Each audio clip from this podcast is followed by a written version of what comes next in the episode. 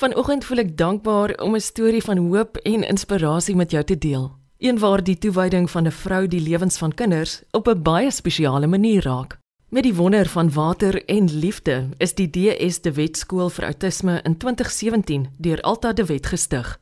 En die is haar storie. Ek is 'n rekenmeester en ja, ek het ook by die Universiteit van Stellenbosch meeste fakulteit het ek 'n MBA gedoen. So dit kom nou nogal handig te pas soos dit mense ouer raak. Ja, en ek het 'n praktyk in die platteland gehad, rivier sonder en se kant en doen nog steeds so 'n handjievol kliënte se boeke net om darm nog te weet links is debit en regs is krediet. dit hou my regop. So ek het so af en toe so 'n bietjie orde nodig, maar ek is geseën met uh, kinders op die autisme spektrum en dit het my toe heeltemal uit die firma uitgehaal en ek moes toe baie vinnig leer waaroor die lewe reg gaan en dit is ook 'n voorreg op sy eie om dan op hierdie journey waar elke dag 'n verrassing is te wees ja Daniel is 13 Hy is soos wat hulle noem klassiek autisties en dan is Andreas is 9 en hy is high functioning autisme. So dit is ag hulle deesdae allerlei verskillende name vir omdat die autisme spektrum so groot is. So jy kry borderline autisme en wonder ek maar is dit nie maar almal van ons nie. En dan kry jy hoogfunksionerend um, jy kry byvoorbeeld baie van hierdie genee wat ons so oor nou nog lees hulle werk en vir, vir ewig sal sal dalk ook op die autisme spektrum wees en dan praat jy nou van savant, maar dit is net so 2% van die hele spektrum. En dit voel baie keer vir my hierdie hele spektrum hier in my huis. Daniel het 'n klassiek autisme, hy sukkel om te praat, hy baie baie sensories sensitief vir sy omgewing kan glad nie 'n verrassing hanteer nie so uh, hy moet presies weet elke dag wat is die plan en jy weet anders uh, by tye hou hy op met asemhaal van angs. So dit is 'n baie sensitiewe kind in ons die omgewing waarin hy moet wees moet vir hom help. Anders is uh, dit net chaos, sy lewe is net chaos. Die wêreld is chaos. En ook vir die kinders of mense met hoog funksionerend autisme is dit eintlik maar dieselfde. Hulle kan net uh, beter kommunikeer. Jy weet so hulle sal op 'n uh, ander maniere vir jou kommunikeer dat die omgewing is vir hulle te erg waar 'n kind soos Daniel sal gil en weg weghardloop en homself slaan baie keer. En dan moet jy weet iets is fout op 'n rustige manier vinnig uitvind wat is fout sodat jy hom kan help. Ja. So ons hele doel op met Daniel byvoorbeeld hoe met al die kinders is om, om hulle te leer hoe om hulle self te help as dinge vir hulle te veel raak. Wat doen jou man? My man is ook 'n rekenmeester ouditeur. Hy het 'n firma in Bredasdorp. So hy is nou 'n regte ou ouditeur, boedels, jy weet hy hy doen sy ding. Hy sê ons ek wil amper sê hy's hy's ons fondasie. Dit is wat mense dit noem. Maar elke oggend dieselfde rotine opstaan, gaan werk terugkom en daar's geen onsekerheid daar nie. Hy skep 'n veilige omgewing deur die persoonlikheid wat hy het en die tipe werk wat hy doen. Dit is net so gepas, jy weet. Die DS de Wet skool se bestaansrede is om elke kind 'n gevoel te gee dat hy of sy iewers behoort. Die is uh sy voorletters Daniel Stefanus. En toevallig is Daniel Stefanus ons oudste seentjie is vernoem na Daniel Stefanus de Wet wat verdrink het op die ag as hierdie walvisroete stap. Is daar 'n grafsteen En dit is daantjie wat op ouderdom 18 daar verdrink het toe hy van 'n kraans afgeval het terwyl hy vis gevang het en hulle het sy liggaam nooit gekry nie en sy oupa DS de Wet Daniel Stefanus de Wet het die ou plaas skool gestig. So die ou plaas skool is dan in die omgewing daar waar 'n natuurreservaat is. Ons het dit toe goed gevind om ons seun ook na hom te vernoem en toe ons dan ook geleer dat daar net outisme en ons het nie so 'n instansie in die Oeverberg nie, het ons dan die skool gestig vir kinders met outisme en dit goed gedink om te vernoem na oupa Daantjie of DS te wet. Baie sentraal tot wat gebeur by hierdie skool het te doen met aquaponika. Ja, dit is deel van hulle speelterrein, dit is deel van hulle klasomgewing, dit is deel van hulle rotine. So hulle het nodig om te weet wanneer hulle by die skool kom, alles is nog daar. En met die aquaponika is dit 'n mooi herinnering aan die natuur is altyd daar. En as jy mooi om respekteer en na hom kyk, dan sal hy môre nog steeds daar wees. Met dit dat my eie kinders op die spektrum is en ek die skool begin het, is ek dan in my agterkop al ewig soekend vir wat kan werk vir ons kinders. En ek is bekend gestel deur Dr. Ian Goldie wat um, betrokke is by 'n uh, plaaslike hidroponika by Bredasdorp wat 'n mens kan besigtig as jy kom kuier by Nampo Kaap aan die Universiteit se Waterinstituut en hulle het 'n kursus kom aanbied hier in Bredasdorp en vir ons kom leer oor aquaponika, oor hidroponika en aquaponika. En my oë en ore het net gespits vir aquaponika. Juist oor dit so mooi is en organies. So ek het in die kursus gesit en dit was asof Ian my genooi het vir die kursus en gesê het luister ek dink dit kan werk vir jou kinders. So uh, ja, so dit het um, eintlik indirek van die universiteit se kant af gekom dat ek dan leer van aquaponika. Maar dit was net so jy weet as 'n gogga jou byt dan begin jy daarmee. Dit het net natuurlik gekom. Die kinders um, het deel van hulle rotine gehad dat jy kom skool toe en dan elkeen het 'n taakie elke dag party doen dan die voer van die visse en party verf die bootjies. Ons sit uh, nou al uitgebrei met 'n paar produkte wat die kinders verkoop of veral by bewusmakingsgeleenthede vir gaste uitdeel. 'n Bootjie met 'n spekboom of 'n bootjie met 'n kry wat hulle dan self geverf het en so elkeen het 'n taakie en die visse vir hulle het natuurlik 'n uh, name. Dit gaan hoofsaaklik vir hulle oor die visse en wat lekker is is die hoogte van die tank en is 'n glas tank. Dit is soos 'n show die visse. Ja, en dan verduidelik hulle um, as jy nou kom kuier sal hulle vir jou verduidelik op hulle eie manier van hoe die water dan nou na die die visse se water na die plantjies toe gaan en die plantjies voed in die en die plantjies gee weer suurstof aan die visse en die tank bly skoon. Dit is die beste vir my. die tank bly skoon by die stelsel. Ons het 'n uh, sharkie, dan is daar rooi is. Meestal natuurlik Engelse baie weird name. Nee, ek sal vir jou 'n lys moet stuur. Daar's daar's name. En Sylvie, weet ek is die een. So uh, ja, nogal toevallig met hulle klere te doen en ja, klere is klere is meeste van die tyd in die naam. Dis goudvisse die wat jy daai het, nê? Nee. Dit goudvisse, goudvisse ja, vir kleintjies en grootes, daar's so 'n paar gappies ook in die tank, maar dit is dis hoofsaaklik uh, goudvisse ja. Vertel my van die plante wat jy al gegroei het in hierdie hidroponika tenke.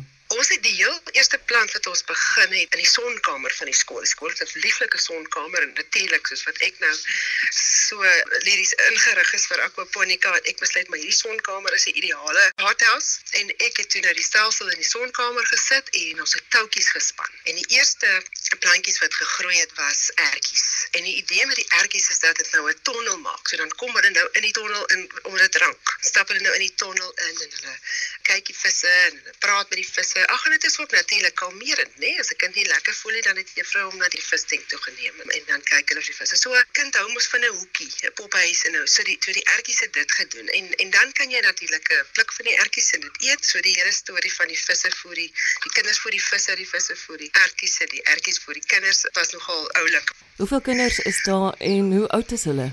Hulle wissel ouderdom 7 tot 13 dae, jy is die oudste. Daar's 8 seentjies nou op die autisme spektrum by die DSB skool in Bredasdorp. En ons het ook in die moet ek trots by sê in die omgewing Bredasdorp het ons 'n spektrum mammas groep begin en daar is so 65 ouers met kinders op die autisme spektrum in die Overberg omgewing wat deel is van die groepie.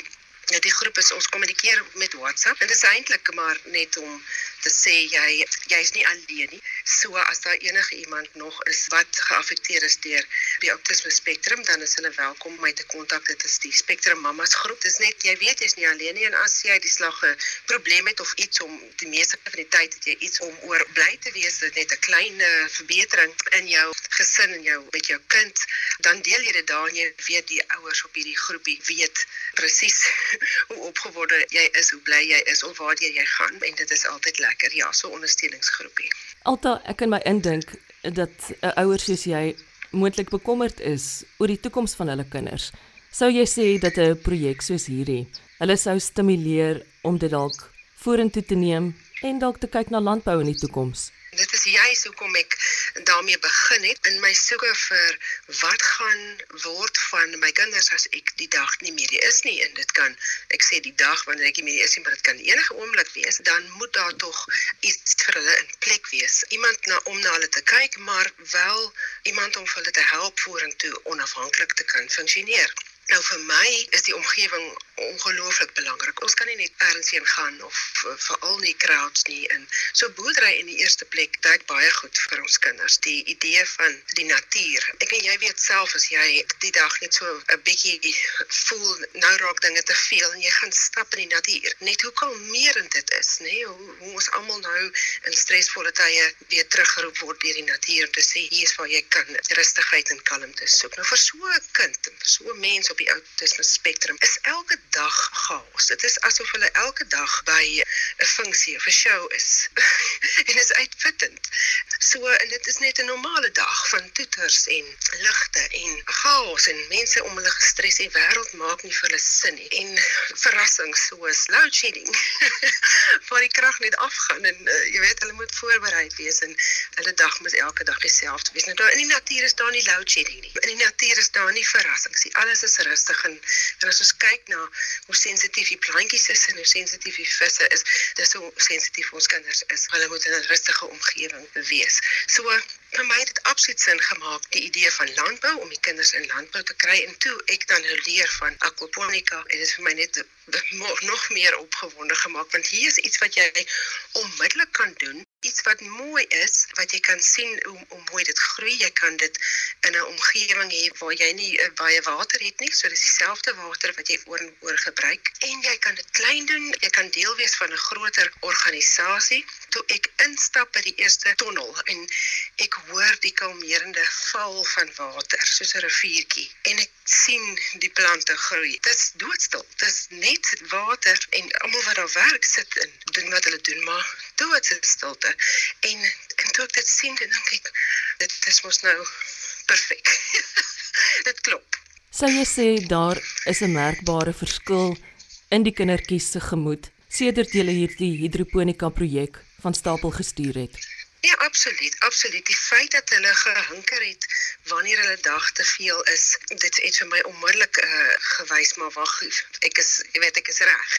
'n uh, 'n kleintjie wat inkom en in sy dag het al vroegoggend rof begin en sy in almal is hastig sy ma laai hom by die skool af en sy ma moet gaan werk maar hy voel nie lekker nie en, en hy stap net onmiddellik na die visding toe en gaan sit daar en kyk vir die visse en dat juffrou dit dan ook sien en, en vir hom vat na die visse toe en sê okay kom ons gaan kyk die visse daai onmiddellik het ek onmiddellik gesien. En ja, en dan in die begin was met hulle natuurlik die plantjies neers agtergekom. Het was soos enige kind net net oor die visse. Toe later met die plantjies uh, het hulle dan nou gewys, jy weet as ek nou inkom kyk hoe groot is die plantjies nou al, jy weet so hulle hulle boerdery produk gewys. En ons het nou al nou beweeg ek nou aan dat die kinders wat bietjie meer high functioning is, verder gegaan en het 'n markdag een keer 'n maand dis by die Napiermark.